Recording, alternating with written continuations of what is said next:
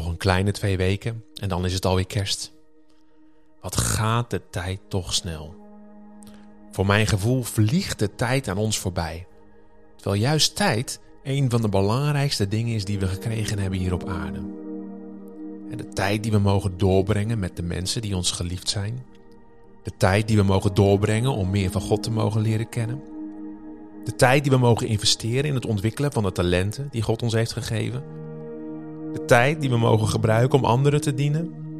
Of de tijd die we mogen hebben om gewoon even te rusten, te zijn en gewoon te genieten van al dat moois wat God ons heeft gegeven. Wat een genade en wat een gave van God dat we tijd hebben gekregen. Maar tegelijkertijd, als ik voor mezelf spreek, ook zo'n gebied waar regelmatig onrust en strijd plaatsvindt. Want wat hebben we druk? Of misschien, wat maken we ons druk? Of misschien ook wel, wat wordt er veel druk op ons uitgevoerd? Of voor sommigen, wat voelen we ons bedrukt? Waarschijnlijk ook wel herkenbaar uit je eigen leven of van mensen dicht om je heen, dat in deze tijd er veel sprake is van druk. Een vorm van lijden dat knaagt, dat afbrokkelt, dat langzaam gebied probeert in te nemen in je geestelijke, maar ook fysieke leven. En juist omdat het vaak gestaag gaat en steeds stapje voor stapje de druk opgevoerd wordt, komen we er dikwijls te laat achter hoeveel schade die druk ons inmiddels al heeft berokkend. Hoe ga jij hiermee om? Wat mij persoonlijk altijd helpt, is dat Gods woord, de Bijbel, waarin alles staat wat God ons bekend wilde maken over zichzelf en waar Hij tot een ieder van ons persoonlijk wil spreken, dat we daarin ook kunnen lezen dat de tijd waarin wij leven gepaard gaat met lijden, met gebrokenheid, met moeite en constante druk van buitenaf.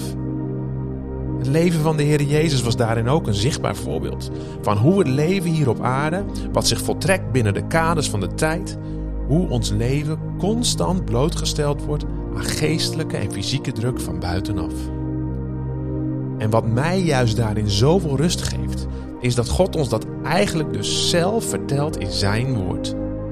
Wat ons dus ook laat zien dat Hij daarboven staat en dat Hij weet en zelfs nog veel meer dat Hij allemaal plaatsvindt onder Zijn controle en almacht.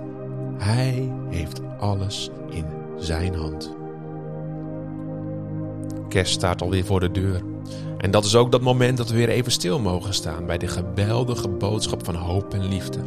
Dat onze Hemelse Vader ons ziet en kent en daarom zijn eigen Zoon Jezus naar de aarde liet gaan. Om mens te worden zoals ons. Waarbij Jezus dus ook deelgenoot werd van al die druk en het lijden van het leven. Waar jij en ik mee moeten dealen. Hierdoor mogen wij weten dat we niet het alleen hoeven te doen, maar mogen we weten dat God met ons is en dat de Heere Jezus leden uit zijn lichaam, met andere woorden broeders en zusters uit Gods gemeente, om je heen wil stellen, om samen op te trekken. Ontvang jij die mensen ook als de Heer Jezus zelf? Laat ons vasthouden aan die mooie belofte uit 1 Petrus 5 vanaf vers 6. Onderwerp u dus nederig aan Gods grote macht met andere woorden, geloof en vertrouw op God. Dan zal Hij u op de bestemde tijd verheffen. Leg de last van uw zorgen op Hem. Dus blijf het niet zelf dragen. Want u ligt Hem na aan het hart. Wees ook waakzaam. Wees op uw hoede. Want uw vijand, de duivel, zwerft rond als een brullende leeuw op zoek naar een prooi. Terwijl hij dus constant die druk aan het opvoeren is.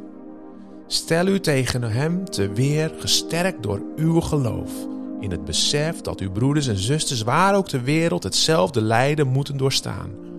Maar al moet u nog korte tijd lijden, God, de bron van alle genade, die u geroepen heeft om in Christus deel te krijgen aan zijn eeuwige luister, hij zal u sterk en krachtig maken, zodat u staande zult blijven en niet zult wankelen. Hem komt de macht toe tot in eeuwigheid. Amen.